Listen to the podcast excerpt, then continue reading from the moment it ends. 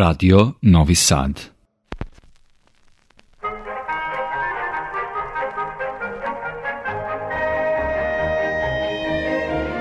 Putevima muzike. Vodi vas Olena Puškaš.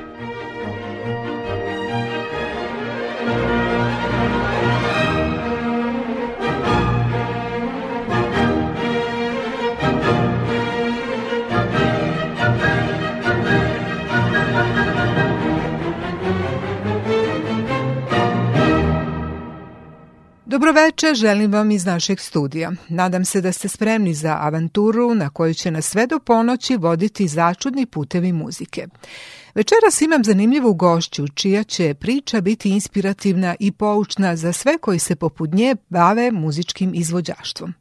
Taj put gotovo uvek počinje isto, otkrivanjem nesvakidašnjeg dara i odrastanjem uz instrument koji traži puno odricanja, strpljenja i truda. Ali tek kada prođe taj zaštićen, sa svih strana podržan i logičan period školovanja, počinju komplikovana životna iskušenja koja treba savladati da bi se dalje sledio odabrani cilj. Pre nego što predstavim umetnicu koja upravo prolazi kroz blistavi period u svojoj karijeri, poslušat ćemo jedan od plodova njenog najnovijeg uspeha. Naslovnu kompoziciju kompakt diska Dark Velvet, odnosno Tamni somot.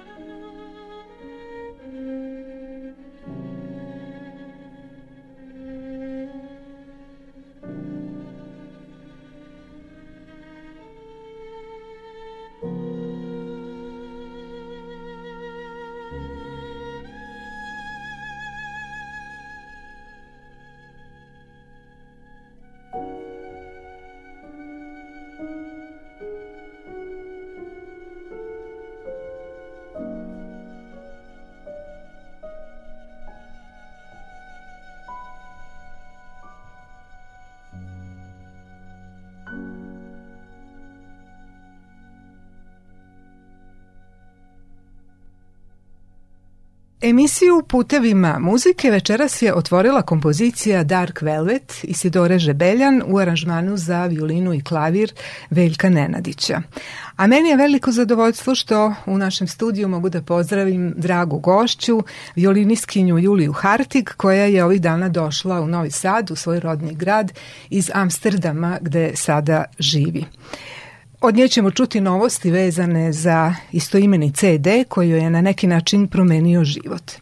Julija, dobrodošla u naš studio i jako se radujem što ćemo zajedno podeliti ovu lepu priču s našim slušalcima. Hvala lepo, uvijek je lepo i čast biti sa vama. Moram priznati da sam bila veoma e, nestrpljiva da dođe uopšte do ovog našeg susreta i da možemo ovako na miru, na tenane pred mikrofonom e, iz prve ruke da čujemo detalje iz vaše karijere koji su se izdešavali u poslednjih nekoliko nedelja.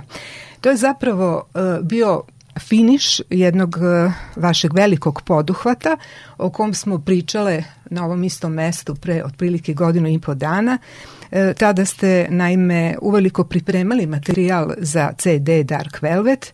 E, puno entuzijazma, truda i rada ste uložili u njega i eto, to se isplatilo. Početkom oktobra dobili ste najprestižniju holandsku muzičku nagradu Edison. Ja vam sada od srca ovako čestitam i e, prvo ću upitati kada zapravo odluka o toj nagradi konačno pala i kako su vaši dani tekli od tog trenutka pa nadalje?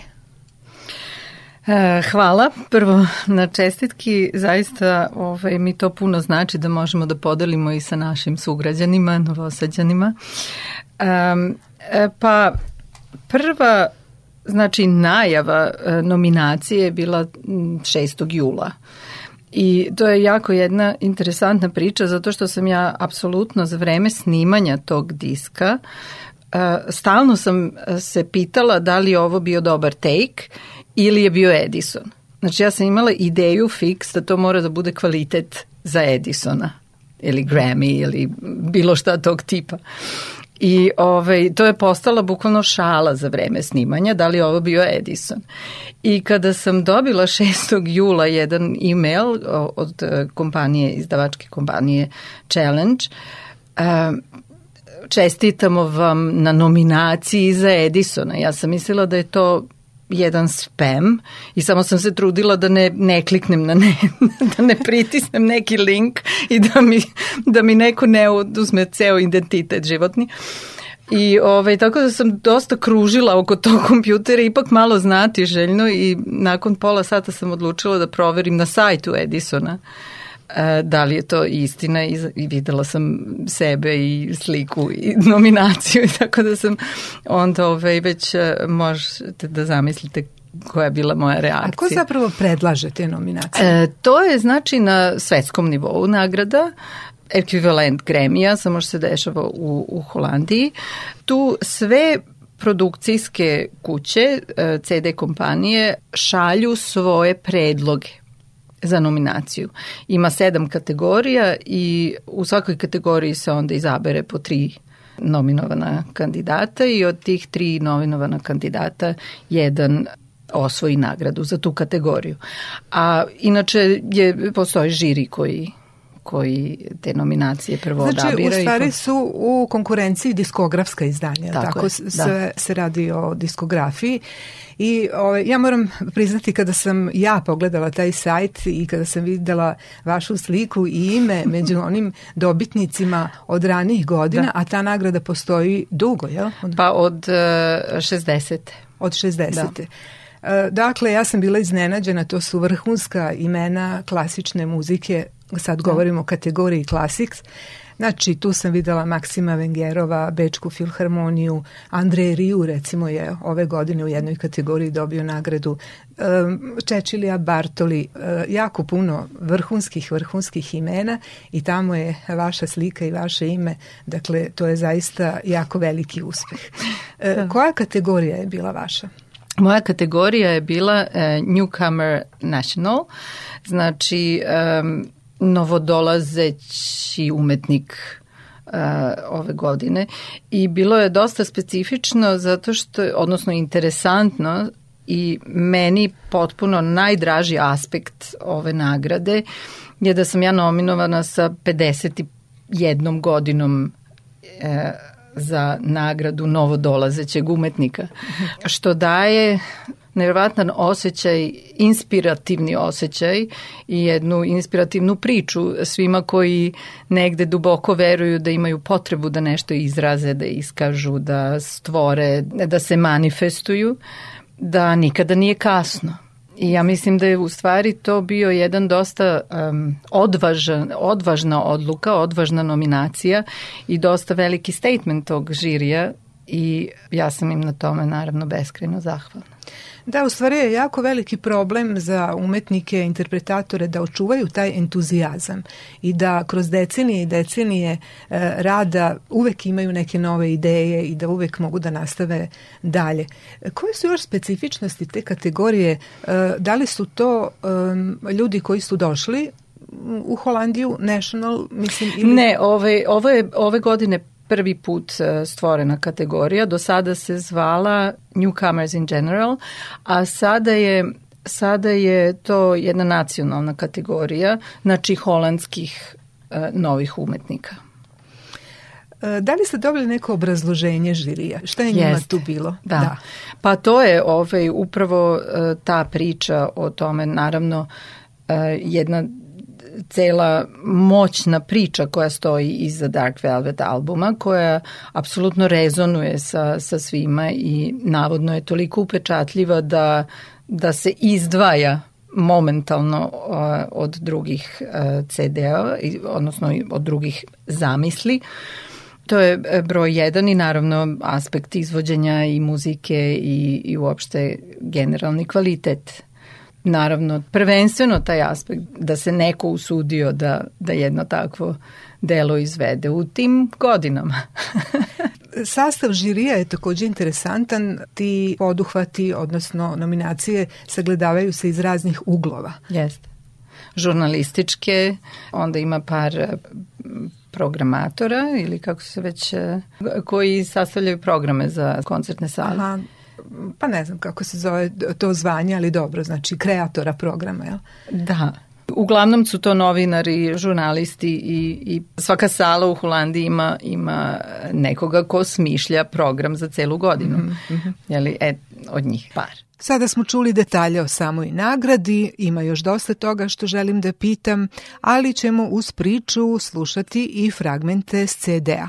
Među prvim kompozitorima koji su Juli Hartig posvetili delo za solo violinu bio je Rudolf Bruči. Naziv njegove kompozicije je Guslarska i sada je slušamo. Muzika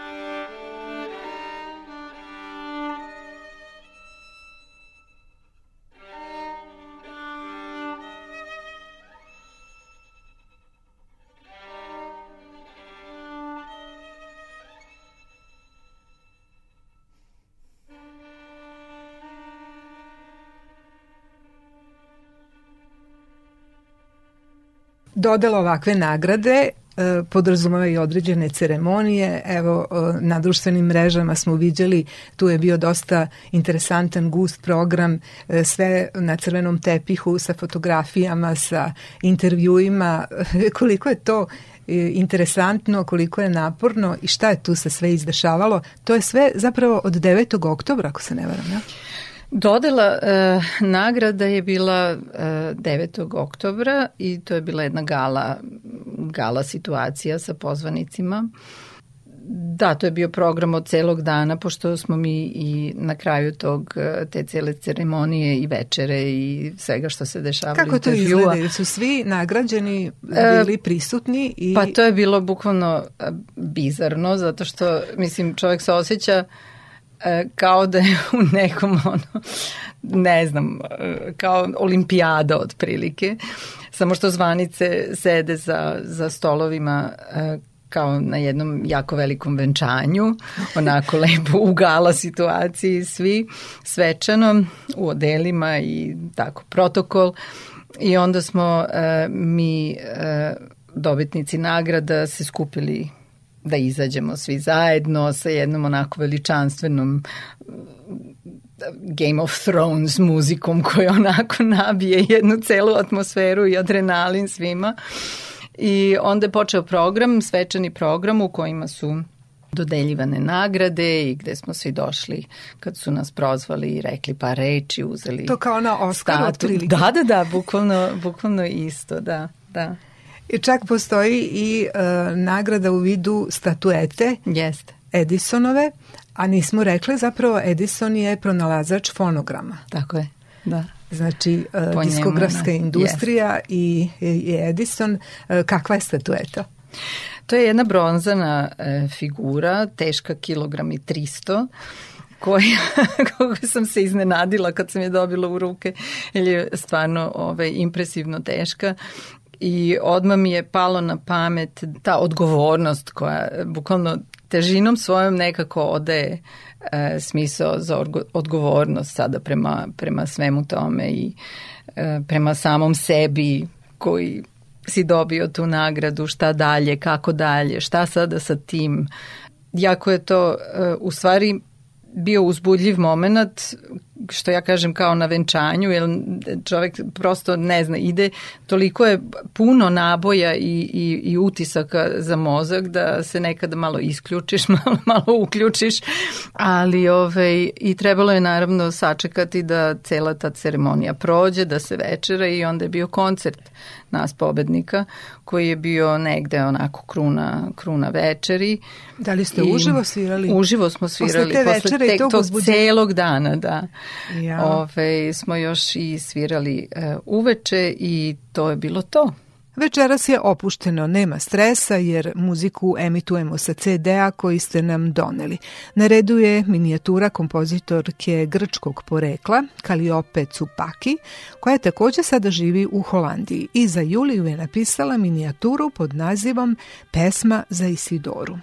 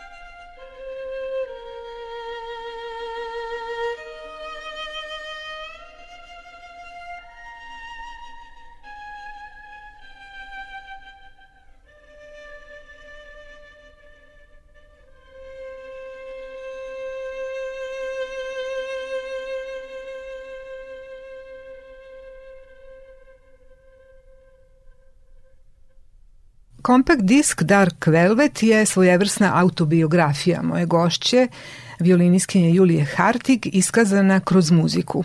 Tu ste objedinili dela vama bliskih ili za vas značajnih ljudi koji su uticali na kreiranje vaše umetničke ličnosti, a oni potiču iz vaše dve e, domovine, da tako kažem, iz Srbije i Holandije. Kako je tekla priprema materijala koji se tu našao? E, da li ste imali dileme šta treba uvrstiti, šta ne, kako to treba da izglede? Pa to je jedna dosta e, spontano, e, spontana akcija bila koja je proizišla iz čisto jedne spoznaje da sam se ja uvek kretala u društvu kompozitora, da je moj otac bio kompozitor, odnosno čelista i komponovao je takođe. I da sam se ja uvek nekako nalazila e, veoma opušteno i prihvatala sam ideje novih kompozitora i podržavala njihov rad i muziku i oni su bili uvek znatiželjni sa mnom da dele neka pitanja ili svoje iskustva i razgovore i tako. I iz tog jednog procesa se, e, su se mnoga dela za mene napisala od 90-ih do, do sada. I u jednom momentu uh, za vreme pandemije, korone, uh, kada se imalo vremena za nešto drugo osim jurnjave za svojim sobstvenim repom i za poslom, eto, rodila se ta ideja zašto ne snimiti ta dela koja postoje isključivo kao neki dosta privatni materijal, čisto da ostane za nekoga ko će možda u jednom momentu da naleti na to i, i, i čuti. I u tom procesu e, korak po korak tako spontano su počele da se dešavaju stvari i ja sam e, jednostavno pratila te impulse koji su počeli da se dešavaju. I nazvala sam Challenge kompaniju sa kojom sam prethodno svir, snimila uh, kompakt disk sa uh, oktetom, Rocktet I čisto da pitam za savet, kome da se obratim, ko bi mogao to da, da izda na jednoj takom nivou meni lično potrebnom, jeli, nikom drugom, samo meni, veoma lična priča u pitanju. I oni su se malo udubili, pa pošalji neke linkove da vidimo kakve su to kompozicije, koja priča iza svega toga. I kada sam ja to poslala, oni su jednostavno i rekli pa mi želimo to da izdamo što je za mene bio totalni ovaj, game changer moment, zato što sam onda sva, ok, sada ja moram jeli, da, da uskočim u neke druge cipele, da, da kažem, mnogo veće i da krenem sada ja da ostvarim to da će to biti izdato od strane challenge. I onda se sticam okolnosti um, tako desilo da sa kontaktom uh, sa Aleksandrom Vrebelov se rodila ideja da ona napiše jednu kompoziciju, jer je Novi Sad bio, uh, odnosno je bio predstavnica kulture 21. pa je možda to lepo da, da nekako nas dve um, jeli, posvetimo jedno delo um, i Novom Sadu, a i nas dve da se zbližimo i to je uh, nastalo, tako je nastalo sazvežđe Hartig. Uh, onda je Veljko isto koji je aranžirao na ideju Borka Čičovačkog, jer uh, ja sam imala tri minuta Isidorine muzike, a, a sa njom sam bila neobično bliska i bila mi je jako draga i kao kompozitor i prijatelj. I onda sam shvatila, pa ja imam samo jednu kompoziciju koju sad mogu da kažem da je meni posvećena, a to je Ej dušo, umri dušo, za glas, violinu, glas i, i klavir. I onda je a, se došlo na ideju da Veljko preradi Dark Velvet za violinu i klavir, jer je to originalno klavirska kompozicija. I onda je do, došla ideja, a zašto Veljko ne bi napisao jednu kompoziciju za mene, tako da je onda i Veljko napisao Air and Raves. I naravno Florian Mayer sa kojim smo od uvek maštali, on je već meni pisao pre toga e, dosta kompozicija i za solo violinu i sa orkestrom i sa, sa ansamblima raznim. I od uvek je želeo da napiše jednu solo kompoziciju za mene i ovo je bila sada jednostavno prilika da se to ostvari. Tako da su i neki novi elementi se našli, ali kažem, ništa nije bilo smišljeno, ništa nije bilo isforsirano, sve je i vodilo e, kao kada munja udari, ja zaista verujem u taj proces stvaranja da čovjek ne može ništa da smisli. To mora da postoji negde i mora da bude da se samo sledi taj tok te jedne iskre koja, koja je nastala i koja negde vodi. Pokazalo se da je zaista i bio pravi pristup zato što e, je jako jedinstveno um, istinit. Znači ništa nije smišljeno, ništa nije nakalemljeno, probano na silu da, ili nešto, nego je zaista tako bilo i to je jednostavno teklo samo od sebe. I tako se ispostavilo da je posle, posle uh, promocije, jeli, kada je disk izašao, su počele isto tako da teku božanstvene kritike i prihvaćenost e, tog projekta na svetskom nivou. Tako da, eto, dovelo je do, do Edisona, što se niko na početku, znači ja uopšte nisam imala ideju da će to biti komercijalni CD, da će to da izađe negde u, u Da, da, to je sve počelo kao vrlo lična intimna Jeste. priča. Jeste, čista potreba za tim da se nešto izrazi.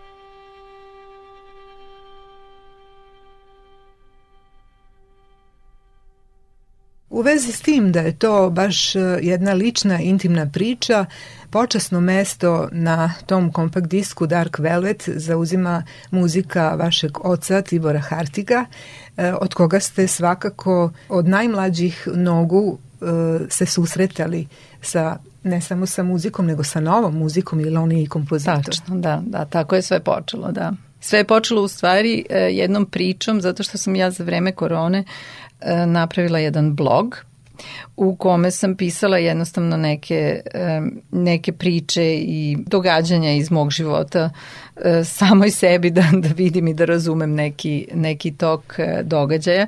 I jedna od tih priča koju sam ja nazvala Dark Velvet kao sinonim za traženje muzike koja još e, ne postoji. Znači, zvuci, blindirani zvuci klavira koji je prekriven ćebadima i potpuno je ušuškan da ne bi smetao komšijama. I mene kao dvogodišnjeg malog deteta koji tu sad prisustvujem tom procesu kreiranju muzike, a moram da budem jako tiha i mirna i da crtam na podu, jel, jeli ne smem nikog da uznemiravam. I već sam taj osjećaj da je to stvaralaštvo, da to negde vodi i tako, ja mislim da je bio podstak da shvatim u stvari da je to razlog zbog čega sam ja uvek bila toliko otvorena prema, prema muzici savremenoj, zato što sam jednostavno taj jezik od samog početka eh, prihvatila. Jezik koji ne postoji muzički. Nesvakidašnji muzički jezik sada ćemo čuti kroz fragment kompozicije Sazveždje Hartig Aleksandre Vrebalov. To je jedno od najnovih dela na albumu Dark Velvet, napisano je baš za njega, za violinu i preparirani klavir. Uz violiniskinju Juliju Hartig svira pijaniskinja Rajneke Brukhans.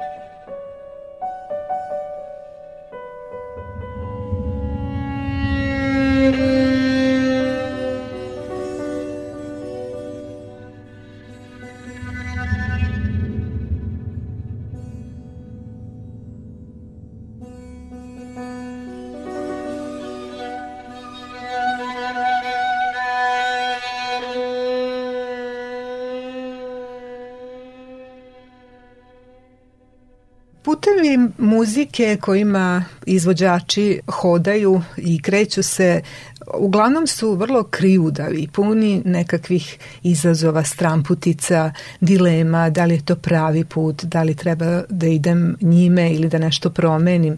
Kako je to kod vas išlo? Evo, počeli ste ovde u Novom Sadu, otišli ste u Holandiju. Kako je do svega toga došlo i da li ste imali nekih preokreta na tom svom putu, čime ćete se baviti, kako će to izgledati, šta ste želeli, a šta ste dobili?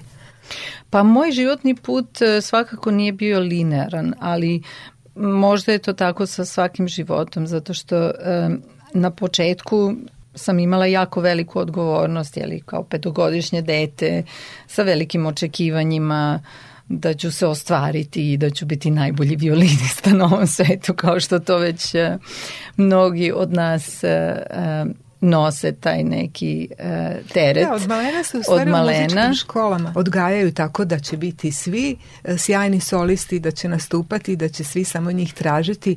Međutim, to u praksi izgleda malo drugačije. Tako je, to je veliki teret i u principu je uh, za mene to sve počelo manje više u redu, da tako kažem. Krenula sam na akademiju puna nade, jeli sa 14 godina, E, završila sam akademiju, magistarske studije, zaposlila sam se na akademiji kao profesor, kao asistent e, svoje profesorici Čugajevoj. Sve je to divno krenulo i onda su došle 90.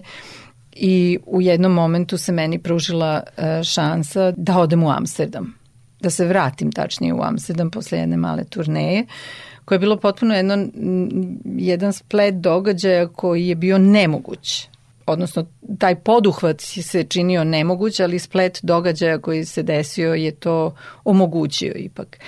I to je bila jedna, naravno, kao što možete da zamislite, jedna ogromna prekretnica u životu, zato što se sada čovek nalazi negde gde niko ne zna ko je, a od samog rođenja na, do tada svi su znali je li u ovoj našoj sredini e, šta ja radim, ko sam, kako i tako. I to su onda bile e, dosta velike godine krize, zato što e, čovjek treba da nađe novi identitet, e, treba da se nekako prilagodi situaciji, novo, to je jak fundamentalno različita sredina od naše, znači ne može se zamisliti ništa što je zajedničko. Ni, baš e, ništa što ovoj je kulturi i onoj kulturi i uopšte načinu sviranja, načinu izražavanja, komunikacije, e, pravila igre. Pa šta je tamo tako različito? Kako to funkcionira? Sve. Sve. Samo od, od, od toga da ne znam da, da ćete se najaviti možda mesec dana ranije da ćete popiti kafu zajedno otprilike je li sve je dosta možda nema proračuna nema nikakve, nikakve spontanosti sve ima neki cilj sve ima jednu izračunatost, jedan poslovnost. poslovnost, program. E, ta kultura je dosta e, iz naše perspektive ljudi su dosta zatvoreni, da ne kažem sada hladni, ali drugačije pristupaju emocijama, drugačije se izražavaju, što se naravno manifestuje i na kulturu sviranja. I, A kako ste se u tome snašli? Gde ste vi? Pa nije bilo lako. E, evo, ja, ja se šalim i kažem, e, posle 30 godina stigla sam u Holandiju. Evo, kao ja sam sada stigla.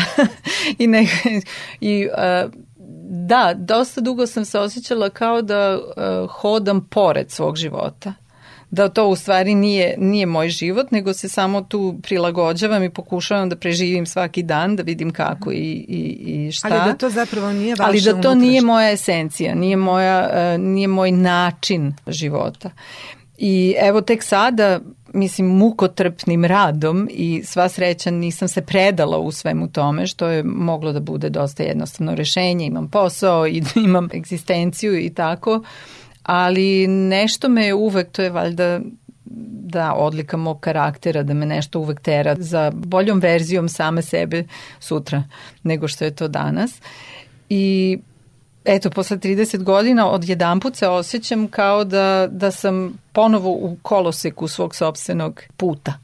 Taj osjećaj svako od nas traži i uvek je jedan od najprirodnijih, a što se tiče muzičkih izazova koji su pratili realizaciju CD-a koji večeras preslušavamo na talasima Radio Novog Sada u emisiji Putevima muzike, jedan od najvećih bila je kompozicija Ej dušo Isidore Žebeljan, inače dugogodišnje prijateljice i saradnice moje gošće, Ona je naime zamislila da Julija uz sviranje na violini istovremeno i peva.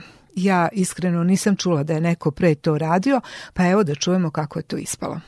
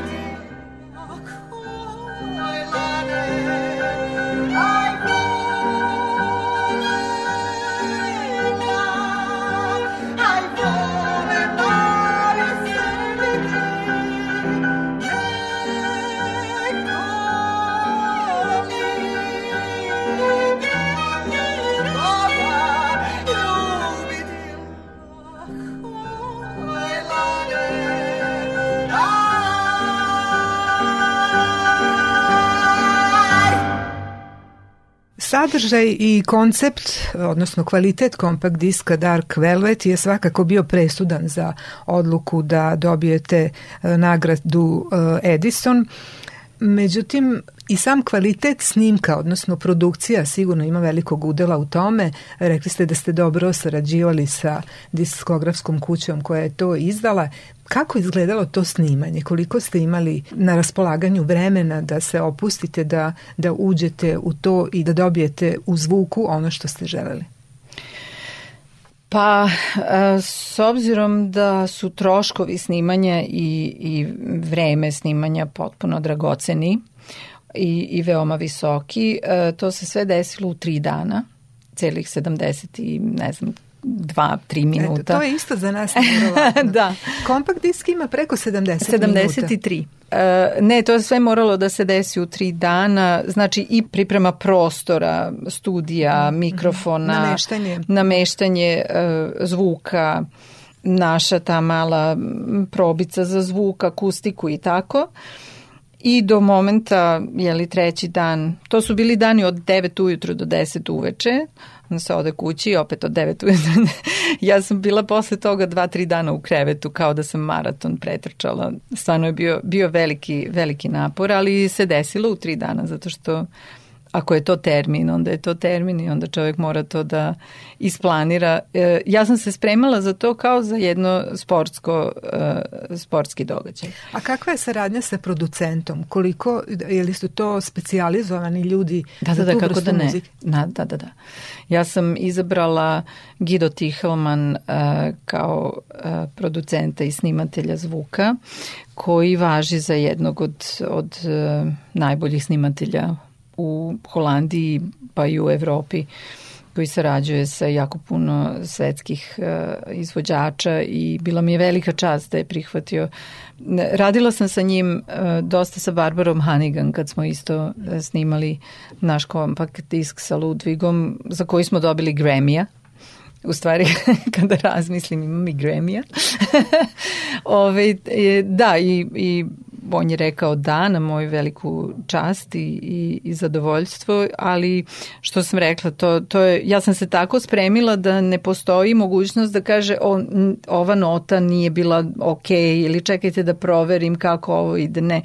To je bilo samo koji take od svih tih take-ova će biti najbolji da se iskoristi. Znači, potpuno sam bila dva, dve godine u fokusu da tih tri dana bude u apsolutnoj top formi. Dark Velvet je solo album, ali imate i neke saradnike. Tako je, da. Uh, to je pijaniskinja, jel? Reinike Brukhans. Sa njom, um, sa njom sarađujemo i sviramo već 27 godina, što se definitivno čuje i, i osjeća. Obe smo studirale na Rotterdamskom konzervatorijumu i naš zajednički docent kamerne muzike je predložio i njoj i meni, vas dve morate svirati zajedno, zato što imate nešto št, gde, gde prepoznajem jed, i kod jedne i kod druge imate jednu specifičnost koju je on prepoznao. I zaista je tako i bilo, mislim nas dve smo kao jedan organizam kada sviramo potpuno, nemamo nikakvih dogovaranja, dilema, kako ćemo ovo, kako ćemo ono, to je sve jednostavno tako kako obe osjećamo istu stvar. Im naravno Maju Bogdanović, našu izvrsnu čelistkinju koja je, e, koju sam pitala ne nadajući se, pošto se ranije nismo poznavale, ali znam da je i ona bila jako, e, jako prisna sa Isidorom i sa, zajedno sa Dalijerom Rolandom e, su izvodili mnoga nje, njena dela. I bilo mi je jednostavno logično da nju pitam s obzirom da, da smo u istoj materiji E, da snimi sa mnom dijaloge e, mog oca Tibora Hartiga i ona je na moje veliko zadovoljstvo rekla da i to je bilo jednostavno čarobno i divno iskustvo svirati sa njom. Sada je pravi trenutak da čujemo kako je to ovekovečeno na CD-u. Slušamo deo iz dijaloga za violinu i violončelo Tibora Hartiga. Muzika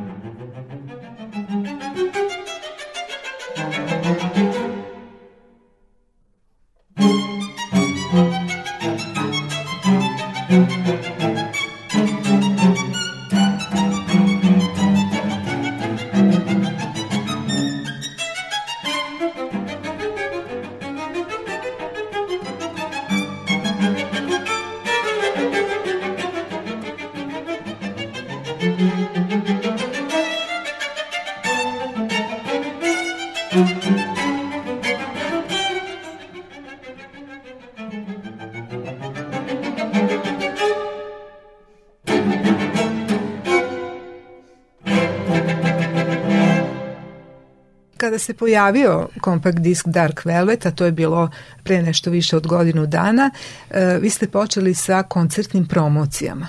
Kako je bilo uživo izvoditi to? Kakva je razlika u odnosu na moment snimanja koji ste opisali, dakle u tri dana za 12 e, sati rada i sviranje uživo gde postoji neka interakcija sa publikom i gde je verovatno opuštenije. To je jako interesantno zato što kompakt disk kad smo snimili, e, ja uvek e, spominjem e, metaforu da su ta dela moja deca, kojih ima na kompakt disku 10 i ima ih od od dosta odraslih, znači od iz godine 90-ih, pa do onih najmlađih koji, koji su se stvorili bukvalno mesec dana pre snimanja kompakt diska.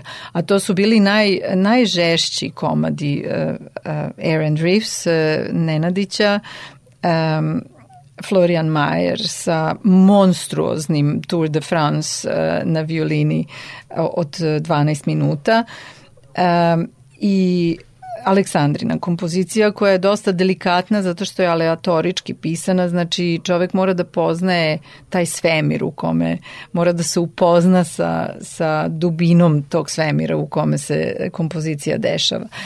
I e, jako je interesantno to što smo mi za vreme snimanja e, još nismo vladali toliko tim, e, tim kompozicijama poslednjim i to smo snimili kao postojeće delo. Ali su ona tek počela da oživljavaju kao i sva ostala, jeli, izvođenjem pred publikom, zato što je to neminovno.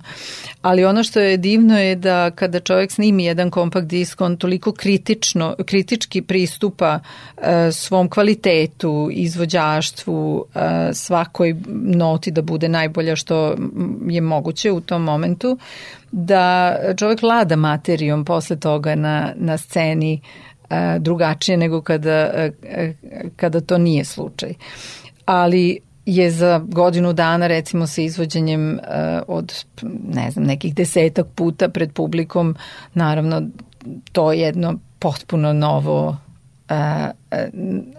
novo iskustvo dela se razvijaju ona postaju potpuno nešto drugo nego što smo mislili na početku da jesu, tako da je to dragoceno. A kakva je reakcija publike s obzirom na to da je to nova muzika koju ljudi ne poznaju, znači treba da se malo um, otvore uši za nešto novo? To mi je isto jedan od najdražih aspekata e, mog stvaralaštva, što e, čujem komentare da sam ambasador za novu muziku. Znači, čujem komentare da e, od ljudi koji recimo dođu da čestitaju i kažu ja nisam znao da ja mogu da slušam novu muziku. Nisam znao da je to toliko emotivno. Ja nisam znao da, da, je, da mogu tali, toliko da se povežem sa, sa tim jezikom muzičkim. I to mi je jako drago zato što ja zaista verujem da, e, da nema razlike u muzici kao jeli, izrazu, kao, kao komunikativnom a, načinu, načinu iz, izražavanja zato što jedino što čovek kada dođe da, da sluša Dvoržaka kvintet ili E, Šumana ili Šuberta, čovjek dođe već upoznat sa tim jezikom, on zna, zna tačno kako na svakih osam taktova će fraza da se završi, on zna o čemu taj kompozitor uglavnom govori, znamo da su to ljubavne patnje, znamo da je to neka nostalgija za, za rekama, mislim, kako da kažem, znamo ima i neki sadržaj... interpretativni možda i predložak čovek, koji mu odgovara je, i koji ima u mislima. Tako je, čovek dođe i već sluša sluša delo unutar sebe dok sluša delo na sceni. A sa novom muzikom je to potpuno znači drugačije. Mi ne govorimo o tim sadržajima, to su dosta konfrontirajući sadržaji koji odgovaraju današnjem vremenu i našem načinu razmišljanja i našem emotivnom e, sklopu koji je e, drugačiji nego što je to bio u 18. 19. veku. Snaga izraza je drugačija, kontrasti su mnogo veći, šok efekat je dozvoljen, potpuno je, e, da ne kažem, i poželjan. Tako da imamo, imamo jedan, jednu drugu paletu izraza u rukama i meni je ta paleta mnogo draža zato što čovek mora uh, nemuštim jezikom da je predstavi. Znači, uh, moj slušalac ne zna šta ta fraza još znači, zato što ne govori recimo Valera ili ne govori žebeljan jezik. Tako da ja moram toliko dobro njemu to da opišem. Ja moram da, bu, da toliko dobro razumem materiju koju ću ja preneti da je to za mene jedan, jedan izazov koji ja ne mogu da, da nadmašim nekim drugim iskustvom. I to, to, to mi je jako drago zato što uh, to mene stavlja u, uh, u jednu drugu poziciju kao iz, i, interpretatora. Sada ćemo čuti i muzički jezik Florijana Magnusa Majera, kompozitora veoma širokog muzičkog interesovanja. Zanimaju ga pravci metal roka, flamenka, bio je gitarista i pevač u nekoliko bendova i ta svoje iskustva integriše u svoju autorsku muziku. Ovu kompoziciju za solo violinu posvetio je Juliji Hartig.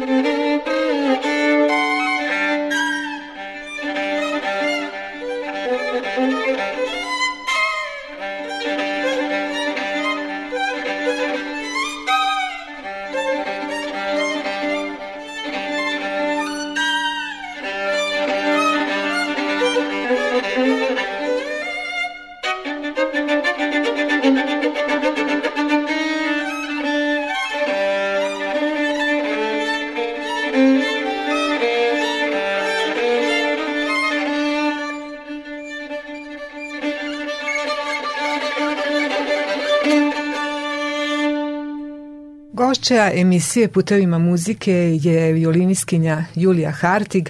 Evo, e, pričale smo o kompakt disku Dark Velvet i o nagradi, prestižnoj nagradi Edison koju ste dobili 9. oktobra ove godine. E, to je svakako jedno ogromno priznanje vaše nove domovine Holandije e, i, i jedan e, dokaz da ste se tamo integrisali, da ste postali deo evropske muzičke scene i to je svakako sad jedan pik u vašoj karijeri i ostvarenje sna svakog muzičara, pa i vas verovatno. I kakav je sada osjećaj, kuda sada dalje može da se ide?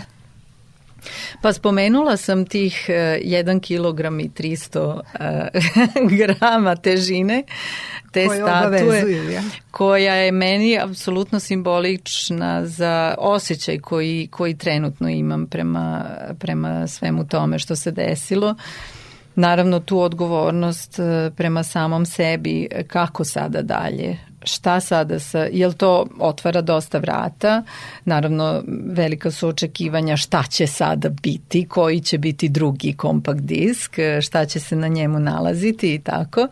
Kako čovek sada da se ne upusti u diaboličko cenkanje sa publicitetom i sa šta bi bilo pametno uraditi, šta bi bilo korisno uraditi, gde sada je li ovo sve vodi. Znači to mi je prvenstveno cilj da nastavim da budem dosledna sebi i da me ovo sada ne stavi u situaciju da negde pokleknem i da napravim neki kompromis. Uh, ali sa druge strane ja zaista nemam ništa da izgubim i mislim da je to e, snaga i ovog prvog e, CDA bila da jednostavno šta može da ne uspe. ne znam. Da. znači, e, da, to je, to je uglavnom to i kako čovek prema samom sebi sada da se odnosi naspram te jedne nove šanse koju, je, koju, koju sam dobila. Koje su još vaše formacije ili ansambli u kojima nastupate? Pa to su već spomenuti Roktet e, koji je takođe imao čas da nastupi um, e, 2022. u Novom Sadu. Znači gudački oktet uh, i za sada sam baš fokusirana sve više i više sa Rejnika kao duo zato što mislim je li čovek jednostavno nema nema nikada vremena ni za šta dovoljno, tako da mislim da moram da napravim jednu selekciju i da se posvetim ta, sa ta dva ansambla trenutno. Pa evo da sada onda i završimo ovaj naš današnji susret.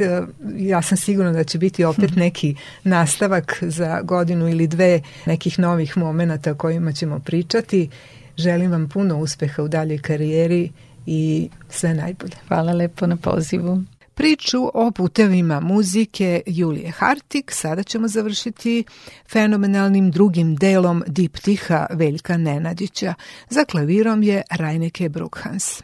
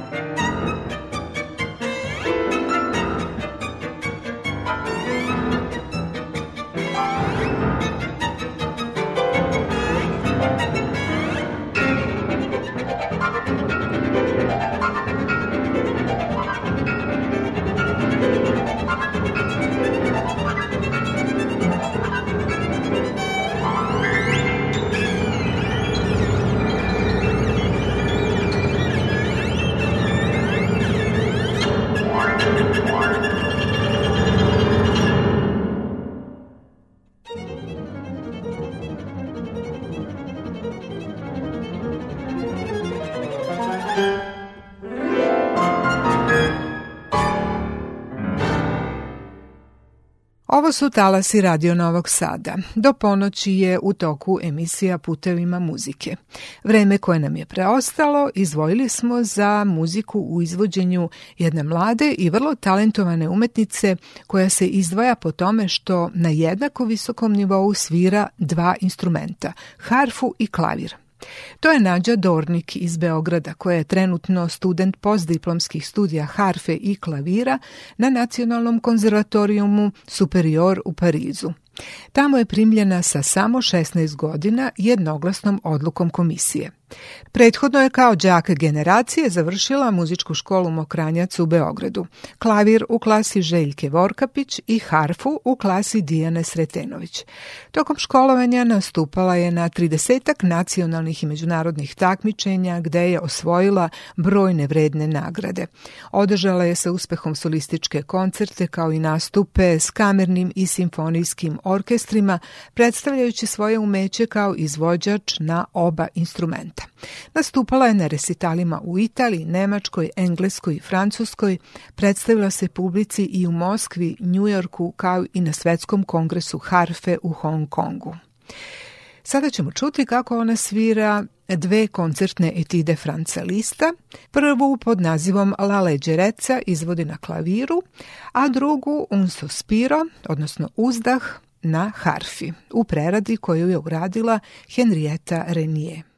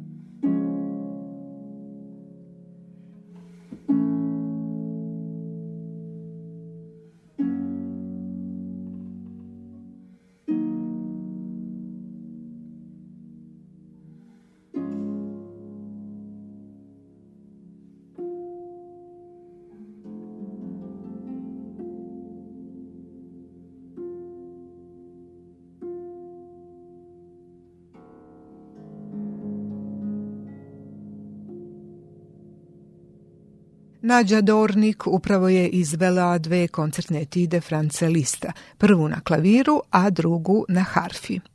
Njena sposobnost da izvodi solističke koncerte na oba instrumenta je jedinstvena. Podsećit ću da je i harfu i klavir profesionalno usavršila do nivoa postdiplomskih studija koje su joj sada pri kraju na Parijskom konzervatorijumu. Prve solističke nastupe održala je sa 12 godina s orkestrima Ministarstva odbrane Stanislav Vinički i Pro Klasika. Nastupala je i sa Filharmonijom mladih Borislav Pašćan i Simfonijskim orkestrom RTS-a. Na festivalu flaute u Ženevi izvela je Mozartov koncert za flautu i harfu zajedno s flautistom Sebastianom Žakotom i Ženevskim kamernim orkestrom. Osim sviranjem, bavi se i preradom klavirskih kompozicija za harfu. Tokom prošlog leta imala je niz koncerata s proslavljenim francuskim violončelistom Gautierom Capissonom i na njima je nastupala i kao pijanistkinja i kao harfistkinja. U narednim minutima čućemo jedno izvođenje Nađe Dornik zabeleženo u Novom Sadu 2018. kada je bila solistkinja uz orkestar Ministarstva odbrane Stanislav Binički pod upravom Pavla Medakovića. Tada je njena tačka bio koncert za harfu i orkestar François Adriana Boaldier. Taj snimak sada ćemo čuti.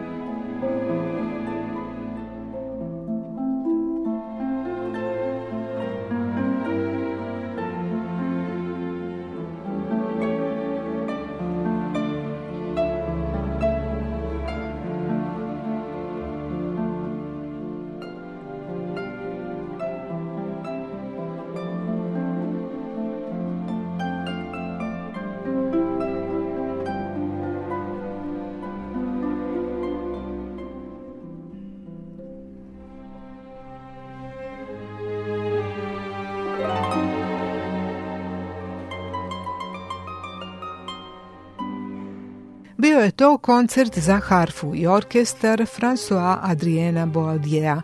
Solistkinja je bila Nađa Dornik. Orkestrom Stanislav Binički dirigovao je Pavle Medaković. Snimak je načinjen u Novosadskoj galeriji Matice Srpske 2018. Do ponoći ćemo ostati uz interpretacije ove talentovane 23-godišnje umetnice koja je trenutno na postdiplomskim studijama harfe i klavira na Parijskom konzervatorijumu. Pre toga ja ću vas pozdraviti u ime ton majstora Damjana Šaša. Moje ime je Olena Puškaš. Želimo vam prijatne trenutke uz program Radio Novog Sada.